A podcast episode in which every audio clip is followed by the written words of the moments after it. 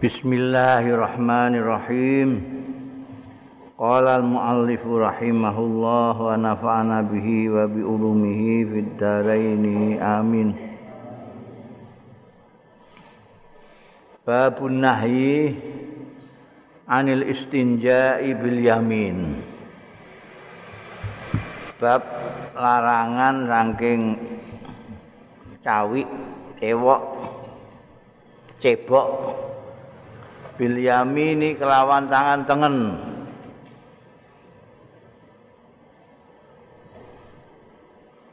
Jadi agama kita itu disebut agama fitrah ya.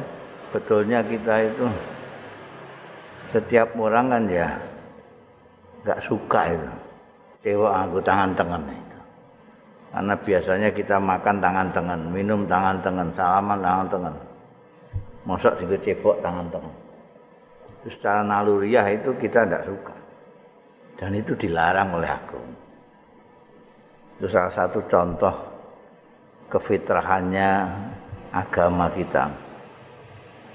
An Abdullah bin Qatadah saking Abdullah bin Qatadah an abihi sangka rawani yaiku Abu Qatadah Kala dawuh sapa Rasulullah sallallahu alaihi wasallam Idza syariba ahadukum nalikane ngombe sapa ahadukum. Salah siji ira kabeh fala yatanafas mongko aja nyebul aja ambekan aja meniup. Fil ina ing dalem wadah minumu wa idza atal khala ndat kalane nekani sapa ahadukum al khalaa ing WC pala ya masa toilet pala ya masa mongko aja ngepok ya ahadukum zakarahu ing zakare ahadukum biyaminihi kelawan tangan tengene ahadukum. Ya Kenapa kok disebut kok lanang sing wedok gak? Biasanya yang lanang sing gratil itu. Fala ya tanapas. Jadi kena minum waca mbok cedakno ambek napasmu, apalagi mbok sebuli. Sebuli Eh? Kita tahu bahwa kita kalau menghirup udara itu menghirup gas asam yang berfaedah kepada kita. Tapi kalau kita menghembuskan itu mengeluarkan gas asam arang. Jadi kita itu diditahno Gusti Allah kerjasama dengan tumbuh-tumbuhan yang ada di sekeliling kita. Mereka mengeluarkan gas asam, kita hirup mereka membutuhkan gas asam arang. Kita menghembuskan, mereka ambil, mereka mengeluarkan, kita ambil dengan cara menghirup napas. Nah, dianjurkan kita pagi-pagi ya, menghirup napas. Jadi kalau kamu minum, akan minum kok sebul, maka gas asam arang yang masuk sini. Dan itu tidak baik untuk kita. Untuk tumbuh-tumbuhan baik tapi untuk kita tidak bagus gas asam arang itu. Itu itu dilarang oleh anak. Agama mbek Kanjeng Nabi Muhammad sallallahu alaihi wasallam. Ya jadi memang agama fitrah.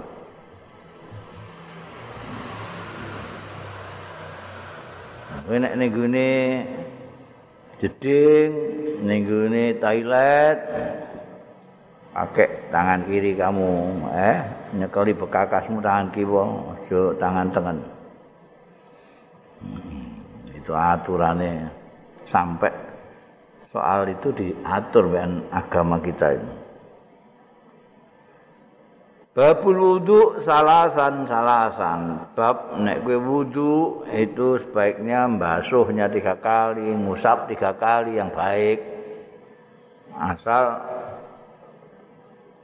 tidak mepet waktunya nek mepet waktune kowe karena kesibukan apa waktunya asar tiga sedikit itu ya jangan sampai tiga tiga nanti kamu nggak nyandak waktunya. Ini kalau normal ya. An Atha ibni Yazid saking Atha bin Yazid akhbarau ngabarake ing Atha apa anna khumrana stune khumran maula Utsman sudah sering saya katakan maula itu istilah yang berkaitan dengan bendoro dan budak. Dulu itu ada tidak hanya dalam di Arab, di Islam, di dunia itu ada perbudakan itu. Malah di Islam sudah tidak ada, konon di luar Islam masih ada perbudakan.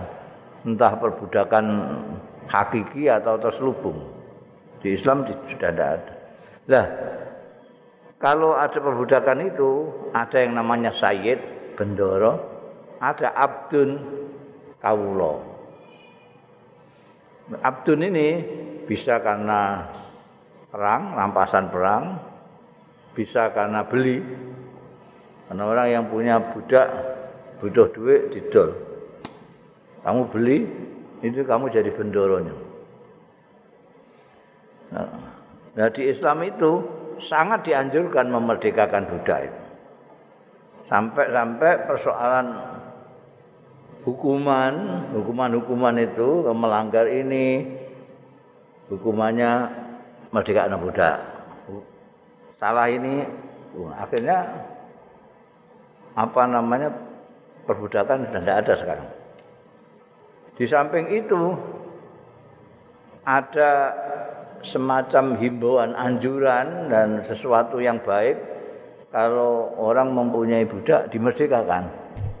Seperti dicontohkan kanjeng Nabi, contohkan sahabat Abu Bakar, contohkan sahabat-sahabat besar itu. Nah, mereka malah membeli budak terus dibebaskan. Seperti Sayyidina Utsman itu karena kaya, budak-budak dibeli terus dimerdekakan. Ya. Nah, kalau ada budak dimerdekakan, ini budak ini terhadap bendaranya namanya maula. Bendoro nih terhadap budak itu juga disebut maula. Jadi Sayyidina Utsman pernah punya budak dimerdekakan. Budaknya itu maulanya Sayyidina Utsman. Sayyidina Utsman itu maulanya budak yang sudah dimerdekakan itu. Itu mawali itu ya. Ini Humron ini Maula Utsman. Berarti dulu Humron ini budaknya Sayyidina Utsman yang dimerdekakan oleh beliau. Humron Maula Utsman radhiyallahu anhu akhbarahu ngabari ing atok. Jadi atok yang cerita ini sumbernya dari Humron yang bekas hambanya Utsman. Anahu setuhune umrah kumron iku ra'a ningali ya kumron Utsman bin Affan ing Sayyidina Utsman bin Affan da'a mundut. Biinain aku cek cikokno iku. Wadah banyu itu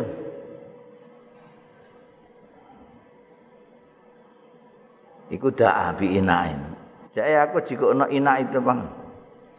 Di pundukno wadah karena konteksnya beliau mau sembahyang, mau wudu. Jadi diambilkan wadah yang sudah ada isinya air. Buktinya sesudah itu ada fa'afragha. Mongko ngesokno sapa Sayyidina Utsman ala kaffaihi ing atase epek-epek kaliye salah samiraden ing telu pira-pira ambalan.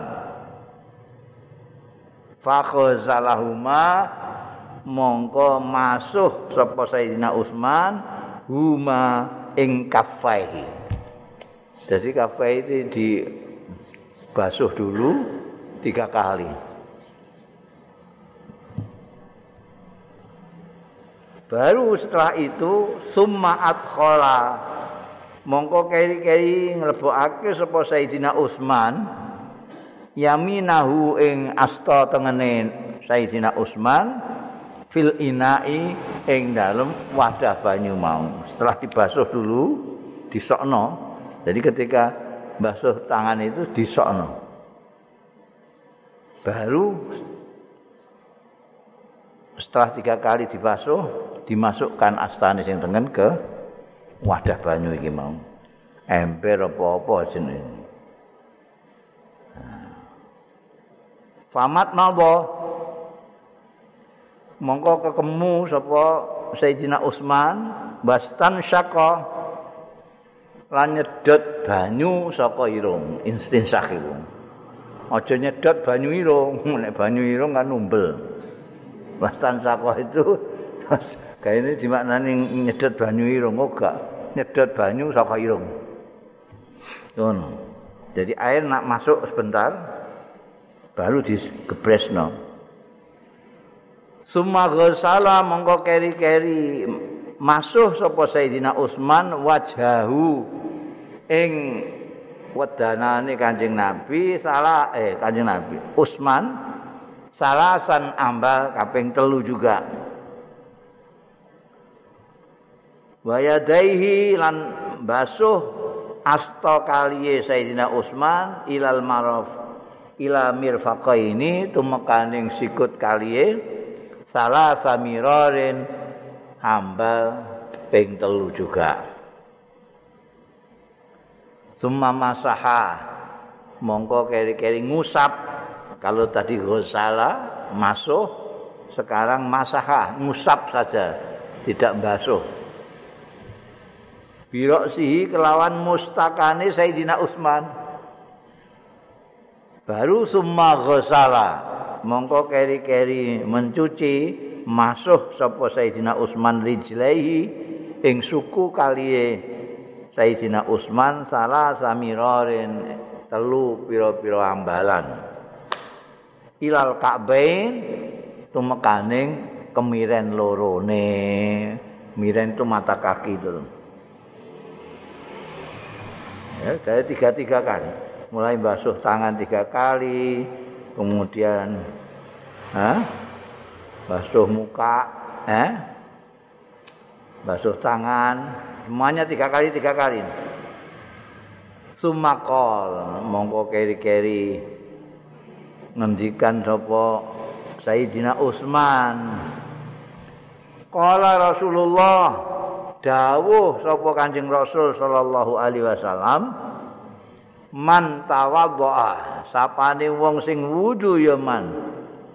Nahwa wudu'i sepadane wuduku hadza iki.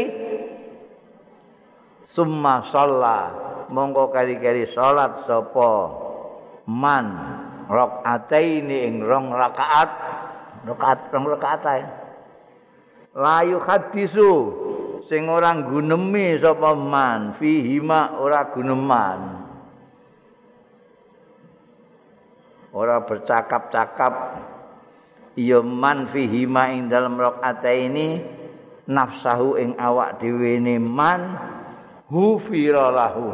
Mongko di ngapura lahu kedue man apa madosa takodama kang wis dhisik ya ma min zambi saking dosane Nah, dosane man.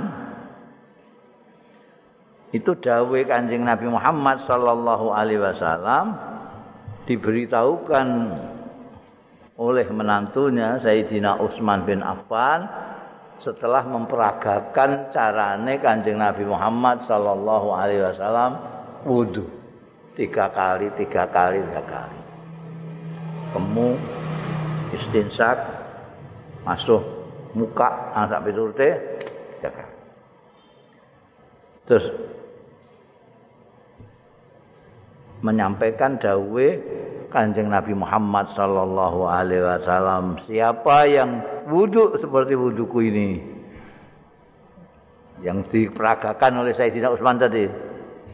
Kemudian sholat dua rakaat. Nah ini yang sulit nih ini. Di mana di dalam sholat itu dia tidak berbicara dengan dirinya sendiri. Artinya orang lamu. Maka dia akan diampuni dosa-dosanya yang sudah-sudah. Jadi menghapus dosa kepenake ngono. Ketoke kepenak. Sing angel iki yo. Layu hadisu fihi nafsahu. Dan ini pembicaraan yang tidak ada urusannya dengan sembahyang biasanya. Ono sinetron mlebu rene. Eh, dangdut mlebu rene. Bintang film mlebu kene. sepak bola Itali masuk ini di salat Wah ini biar orang salah sahabat Abdullah bin Mas'ud wah Ibnu Umar nek rasa nek salat ora suwe-suwe cepat mergo menghindari datangnya ini tahadus bin nafsih itu ini kan berkecamuk itu kowe nek sembayang wong dik mau golek kunci ora ketemu Allahu akbar langsung eh tak ngene kono mau tak desok kono ini berbicara sendiri di dalam dirinya ini. Eh. Iya karena stain. Tuh, Kang Nastain ini kok ning desa iki ya. Biyen kepengin dadi mantune lurah ngono kasil apa ora ngono. Kowe kok nek duwe anak mesti witeng-iteng bare wonge ngono. Lho kok iso tekan diri anak sain nganti duwe putu. Maca iya kana sain. Iku mbah piye nek salat iki. Padahal salat itu harus kosong sama sekali. Apalagi sing apal itu malah rada gawat. Karena apal itu bahasa Indonesia-nya di luar kepala. Wapil, wapal tenan di luar kepala. Kayak pateka kulhu barang ini. Kowe di luar kepala. Wis mbok dirego-regoni apa ae kowe ora iso lali. Kulhu mesti apa iki. Cangkemmu muni dhewe kok. Ora rasa pikir. Di luar kepala. Salat iku semuanya di luar kepala. Wapil kabeh. Bahasa Arab apil banget, apal banget itu anzahril qalbi. Di luar hati, di luar pikiran. Nah, suwang semua apal banget itu di luar. Nah itu sing marakno ana takhaddus ini. Ya takaddas nafsahu. Mereka salate dhewe di luar kepala. Jadi kepalanya isinya macam-macam omongan itu mau. Padahal sholat itu mestinya di kepala, bukan di luar kepala. Fi kalbi, ora fi anzahril kalbi. Ya, kita itu di luar kepala, anzahril kalbi. Ini yang paling berat. Jadi nek iso ngilangno iki kowe layat tahaddas fihi ma nafsah. Iki wis ora ndek dosa, ngira saat rakaat ngono ae, tak wudu ngono gampang nirukno wudu tiga kali tiga kali gampang. Apa meneh banyu akeh saiki iso ana pancuran gampang. Sing angel iki layat tahaddasu fihi ma nafsahu. Kowe nek iso iku ya, kowe sangger dina sembayang rakaat ngono ae. Busak-busek dosa to.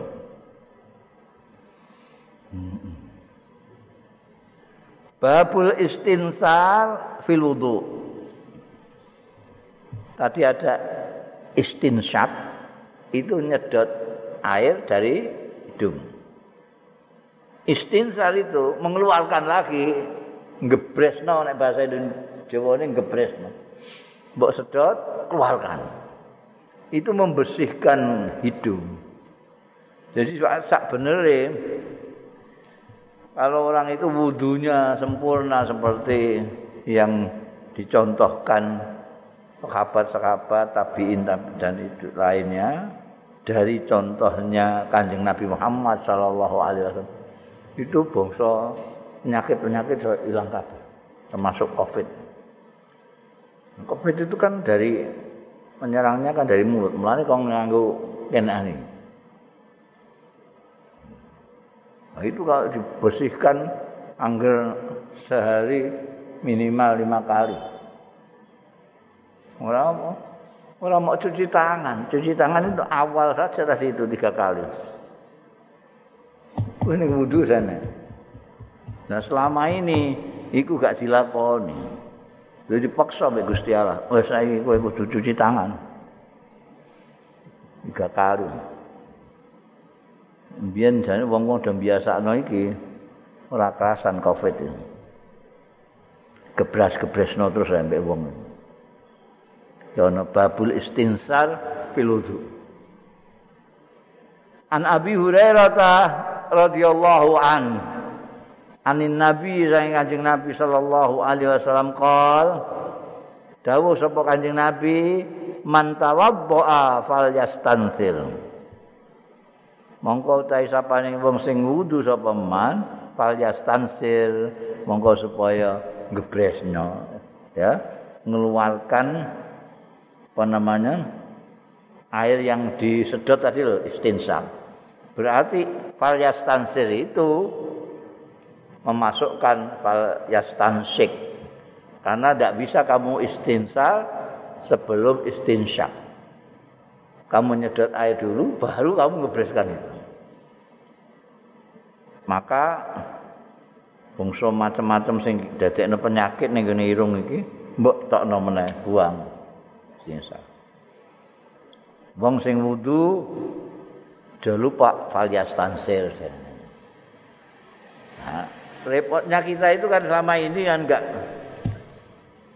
ketika ini masuk fikih itu dalil-dalil kok kanjeng Nabi Muhammad sallallahu alaihi wasallam itu kan dijadikan pedoman patokan ulama-ulama kayak Imam Syafi'i sak itu untuk menyusun buku pintar kanggo wong-wong awam seperti kita ini. Orang tidak usah membaca Quran, tidak usah maca hadis tapi iso ngerti sembahyang kuwi dengan cara disusunlah itu. Contoh-contoh dan perintah-perintah Al-Qur'an disusun. Demikian jadi syarat rukune wudu syarat rukune salat iki sing fardu iki sing sunat dipilai oleh ulama-ulama Lah awake dhewe iki biyen nalika isih durung mondok. Wah, nek wudu lengkap. Masuk tangan bismillah. terus bareng ngaji terus ora. Lho iki mok sunat e. sunat e mok. Eh mak sunat terus ditinggal sing sunat-sunat iku. Akhirnya wudu ber ber ber wes langsung. Sing sunat-sunat ditinggalno kabeh justru setelah tahu kalau itu sunnah. Kan gitu. Padahal fal yastansir wa manis tajmaro fal yutir sapaning wong sing istijmar itu peper. Fal yutir mongko supaya ganjili Jadi nek ora siji ya telu. Nek gak telu ya lima. Siji biasane gak pati resik. Mbok loro wis resik tambahi tetep tambahi siji ben telu valutin. Gak resik telu. Papat. Papat jane wis resik. Tapi limani valutir. Itu maksudnya gitu. Lah saiki iku kehidupan modern itu saiki kembali ke zaman kuno. saiki istijmar itu itu jadi perilakunya orang modern. Kowe nek ning hotel-hotel sing gede-gede iku, hotel berbintang ya. Gak ana cebokan. Ya kertas itu. Kertas gulungan itu. Eh, dawang wana-wana itu kertas paper iki didosok ning ngene ngarepe warung nggo ijik tangan. itu kan mergo luwih murah timbangane tisu kan. Jadi iku digulung-gulung terus ngarep kowe nek bar mangan njiko iku. Padahal iku nggo paper. Kertas khusus paper iku. Nek sing ngerti ya rada jijik iki bar mangan kok paper iki. Iku istisma. Biyen nganggo watu. Pokoknya apa yang bisa menyerap. Jadi enggak pakai air juga enggak apa-apa. Pepel tok bisa. Air tok bisa, pepel tok bisa. Tapi yang sempurna pepel dan air. Itu kan. Saiki iki kowe ning hotel ndelok-ndelok apa jenenge ana enggak cewekane ana apa enggak Aku mau ning gone Amerika ning Eropa itu akeh-akeh gak ono. Mbah tapi aku gak ngerti nyetele mbah piye. ngerti ku ya malah iku tok. Mergo iku ana sing diputer-puter banyune munggah mendhuwur. Iku malah risi kabeh. Sing akeh sing ora tau ora ana iku iku. Kertas paper bunder itu gulungan. Ya.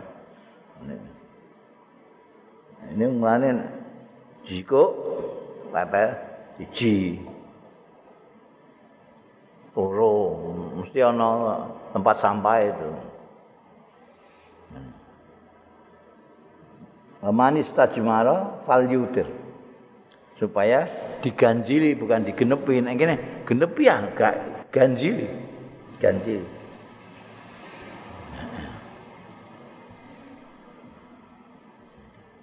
Biar mulane nalika ana pertemuan kiai-kiai di Jakarta di dosa di hotel bintang ini hotel akasia panitia udah nyediakno ciduk. Jadi nih gue syaratnya nek ngundang kiai nih hotel ayo udah kayak ciduk. Terus biasa nganggu ciduk ini hotel ngono-ngono itu gak ono. Banyu itu larang banget jadi sedikit mungkin memakai. Tidak seperti kita jaga sedulur tak enak Babut tayamun bab ini semua yang diceritakan dalam hadis-hadis ini kalau kamu lakukan itu untuk kesunahan itu. Jadi kesunahan. Tiga kali tiga kali ya istinsar istinsar itu sunnah. Bab tayamun ing dalam wudhu artinya mendahulukan kanan daripada kiri. Tangan ya tangan kanan dulu baru tangan kiri. Kaki ya kaki kanan dulu baru kaki kiri. An ummi atiyah. Saking ummu atiyah.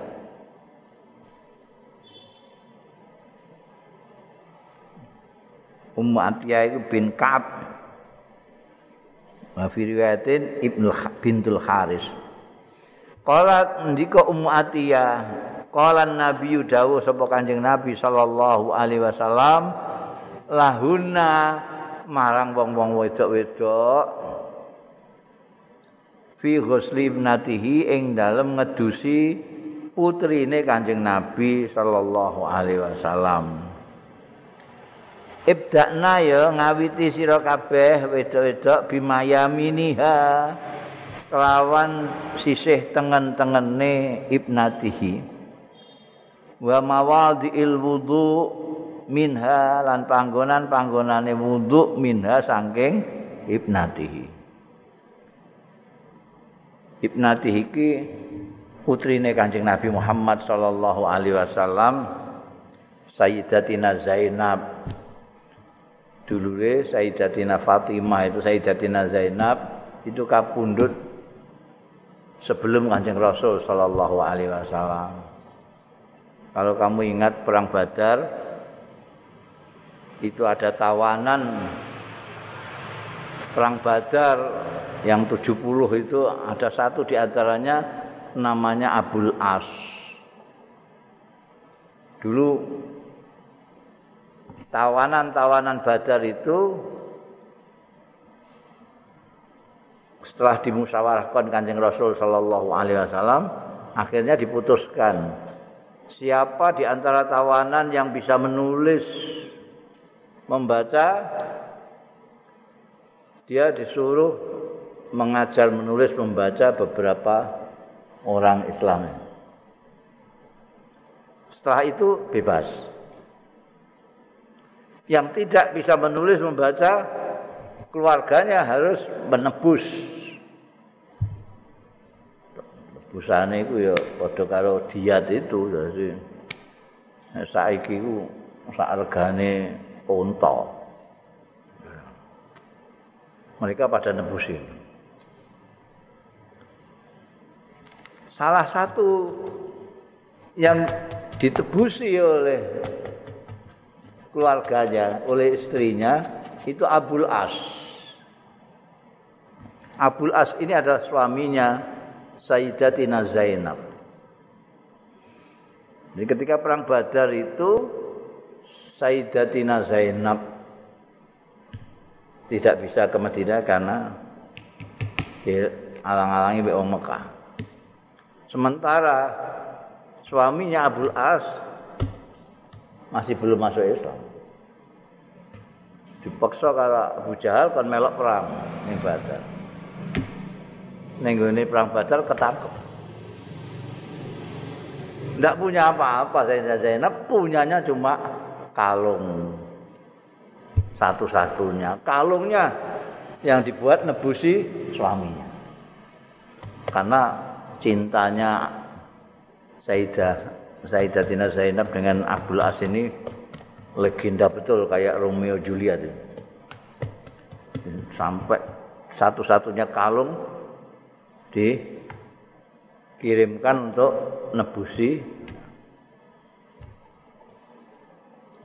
Panjang Nabi peso kalung ini berbes milih kan. Zaman ngendi kanjeng Nabi ngendi kok. Iki kalung. Kalung awake Siti Khadijah. Diweneh anake Zainab iki nalika Zainab dadi ngantek.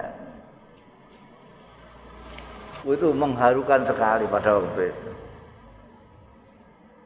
Karena tidak punya apa-apa untuk nebusi suaminya, maka kalungnya, pemberian hadiah dari ibunya, ibunya itu Siti Khadijah, istrinya kanjeng Nabi yang paling dicintai. Kanjeng Nabi ana apa-apa iku mesti eling Siti Khadijah apa ana kalung. Dan kalung itu tahu persis Kanjeng Nabi itu yang diberikan Siti Khadijah kepada Sayyidatina Zainab putrinya ini ketika jadi nganten. Saiki arep digo nebusi bojone. Kanjeng Nabi ngendika, "Ini Zainab nalika arep dadi nganten iku biyen dihadiahi iki karo mboke Khadijah. Wong wong ya. Nah iki lha piye ana iku apa? Kanjeng Nabi itu tetap sebagai pemimpin pimpinan penguasa ya tetap menuruti aturan.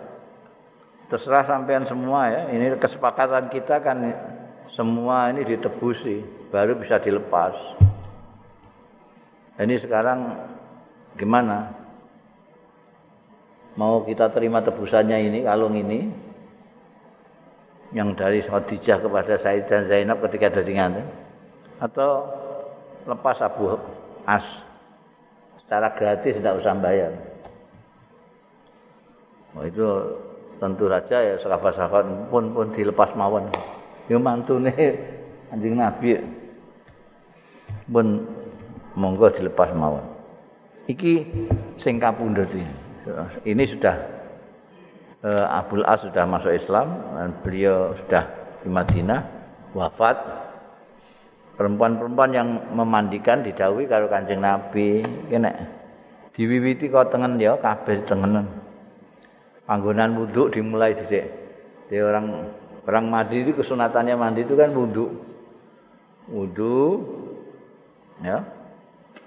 Sampai tangan kecuali kisikil baru gebyur tiga kali tiga kali ini juga gitu yang ngedusi mayat dimulai dari tengen dan dimulai dari tempat-tempat wudhu rai tangan ala kaki baru dimandiin seluruhnya. Itu caranya tayamun fil wudhu wal khusli Gue nek atus kowe yang ngono bar wudu illa kaki, kowe nek wudu sikile ora usah terus gebyur sirah ping telu sret sret. Terus sebelah kanan tiga kali sret sret. Sebelah kiri tiga kali. Itu sunnah tayamun itu artinya mendahulukan kanan. Harap apik iku yo kanan kowe kelambenan ya kanan sik iki tayamu. Ya. Nek nyoplok kiwa sik. Nek munggah ning masjid tahanan tengen sik, sikil tengen sik. Nek nganggo sandal tengen sik. Nek metu ke masjid kiwa sik. Nek munggah masjid tengen sik. Tapi nek nganggo sandal supaya untuk kesunatanin metu ke masjid sikil kiwa nganggo sandal tangan tengen eh, sikil tengen piye carane kowe mudun sikil kiwa sik ditemplekno ning dhuwure sandalmu kiwa. Terus tangan sikil tengenmu nganggo sandal tengen lagek kiwa. Untuk kesunatan loro kowe. Kok repot ngono? Ora repot golek ganjaran golek kesunatan repot. Ngono tok ae kok? Mudun sikil kiwa aja terus masuk ning sandal tapi dosok ning dhuwure sandal baru sikil tengen lebokno ning gone sandal sebelah tengen. Ya. Iku penting iku sing apa ngumpulno sing bangsa mbok anggap cilik-cilik ngono iku. Soalnya tidak terasa ya ngumpulno dosa ya cilik-cilik iku ya sergep kowe iku. Iku kudu dibandingi kan ha ngriwi sing kesunatan-kesunatan babu surbil kalb fil ina. Bab ngombene asu fil ina ing dalem wadah. Wadahmu dikokop karo asu. An Abi Hurairah ta saking sahabat Abi Hurairah radhiyallahu anhu kala ngendika sahabat Abu Hurairah kala dawuh eh sahabat Abu Hurairah inna Rasulullah stune Kanjeng Rasul sallallahu alaihi wasallam.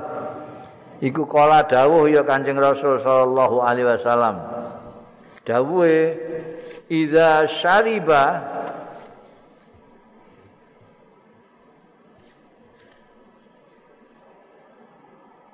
nalikane ngombe apa al kalbu asu fi inai ahadikum ing dalem wadahe salah siji ro kabeh fal yahsilhu mongko supaya ngumbah sapa ahadikum ing ina saban ambal kaping pitu ora usah asune mbok sawat. Itu kita itu kadang-kadang mergo asu ku najis mughaladah menek ngombe kudu di diwasuh ngantek ping 7. Ora kaya nek kucing sak piturute. Sakire terus awake dhewe terus guweting karo asu. Gak ada hubungane. Wong ngingoni asu terus dirasani wong sak kampung. Ya. Asu malah nek ana asu dibuandem, eh? Wong bebantem lha apa asu iku? Najis kok. Iya. Apa najis kok mbok santem iku piye? Fal yasilhu. Nek ndekne ngombe ning gone apa wadahmu ya dikumbah ping 7. Aja terus mbok sawat watu bareng ngono. Kadang-kadang kita itu berpikir itu uh, semerawut gitu loh. yang kira-kira dianggap najis harus dimusuhi. Gak bener. Babu fadlil iqamah bil masjid. Iki semua sudah dianu Mesti di kodifikasi dalam fikih ini. Kowe serah kabeh kowe kowe saiki ngerti sumber-sumbere kenapa kok di fikih ini asu harus di umbah sampai tujuh kali sak piturute ini sumbere hadis ini. Babu fadlil iqamah bil masjid bab keutamaane tengok-tengok bil masjid ana ing masjid. Iqamah iku ya iso mbok maknani manggon. Bisa maknani bertempat tinggal. Tapi ning kene maknane tengok-tengok ora ae. Bertemah tinggal di masjid tak kaya sahabat Abu Hurairah kowe. Manggon. Nah tengok-tengok kono. Wa anhu lan saking sahabat Abu Hurairah juga Nah ini kalau sahabat Abu Hurairah iqamah bil masjid pancen manggon masjid, tinggal di masjid. Wa anhu saking sahabat Abu Hurairah aidon halimane radhiyallahu anhu. Kala ngendika sapa sahabat Abu Hurairah kala dawuh sapa annabiyyu kanjeng nabi sallallahu alaihi wasallam. La yazalu.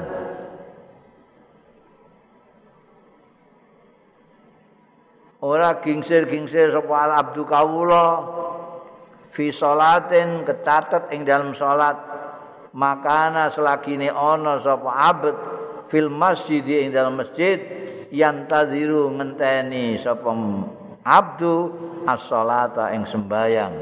Malam yuhtis selagine durung batal durung hadas ya abdu. Jadi kowe ning masjid misalnya pas sembayang asar kowe tengok-tengok ngenteni sembayang maghrib atau kau sembahyang maghrib ngenteni isya. Itu kue tengah-tengah umum dianggap sholat. Dianggap sholat. Manggon yang ini masjid. Layazal padahal kue tengok-tengok bloko-bloko tapi niatnya ngenteni sholat berikutnya. Maghrib menunggu sholat isya. Asar menunggu sholat maghrib nek perlu kowe salat zuhur ngenteni sembahyang subuh. Oleh kono tak subuh iku ning masjid kowe iku dicatet salat terus ada karo salat eh ngono. Murai kaya ngono iki ngene. Gusti Allah itu ya masyaallah ya zal abdu fi salatin maka nafil masjidi yang tadi salat. Tapi ya iku ana tambahane iki yantaziru salat kowe tengok-tengok ning kono iku paling ngenteni sembahyang. Ora kok kepengin turu ngono ae. Turu lah. Apa ngenteni bis terus turu ning kono iku ya ora. Senajan ya jenenge iqamah bil masjid iku. Tengok-tengok ning masjid tapi beda tengok-tengoke iku. Pemene tengok-tengoke kok ngobrol jagongan. Eh jagongan sing dibakar sing ora-ora nah. la yazalu abdu fi sholatin maka nafil masjid yanta diru sholat iki yanta diru sholat iki biyen banyak itu ya, zaman sahabat terutama itu banyak yang di masjid menunggu terutama kalau asar itu sampai. Wong Jawa juga akeh gitu, tapi nek pendak mau kaji atau umroh. kaji be umroh itu orang Indonesia ini semuanya gitu. Apa meneh sing pondokane adoh. Pondokane adoh itu mangkat dhuwur mulai barisa. Tengok-tengok ning kono ning masjid. Iki dalili wong umrah iku. Engko terus barisa Bali subuh berangkat. Ana sing subuh tengok-tengok ning kono ngenteni dhuwur ya ana. Ana sing subuh bali sik sarapan. Engko balik dhuwur ning kono bar mangan salat dhuwur terus bleng ngenteni isya ning gone masjid. Iku wakeh iku. Nek jamaah haji mek jamaah umrah. Nek ngene Indonesia ini dhewe wis bubar kabeh wis. Wis ora ora usum ngono kuwi. Usume mok ning kono tok. Padha karo wong ning Jepang. Wong Indonesia ning Jepang itu wah tertib banget. Ana apa-apa antri. Apa antri. Munggah bis antri, mudun bis antri. Tuku apa-apa antri. Begitu mulai ning Indonesia lagi arep mudun pesawat wis oyok-oyokan mudun niku. Dadi apike nek ning kono tok mau. Mbah piye kok iso ngono iku? Jadi karena belum membudaya. Budayane ning kene kaya ning Mekah kono. Mbayang mudune isya. Ya mungkin ya iso, kene gak budaya ngono. Bar maghrib wae mencolot to. Ana bisnis barang. babul wudu minal ina wallahu a'lam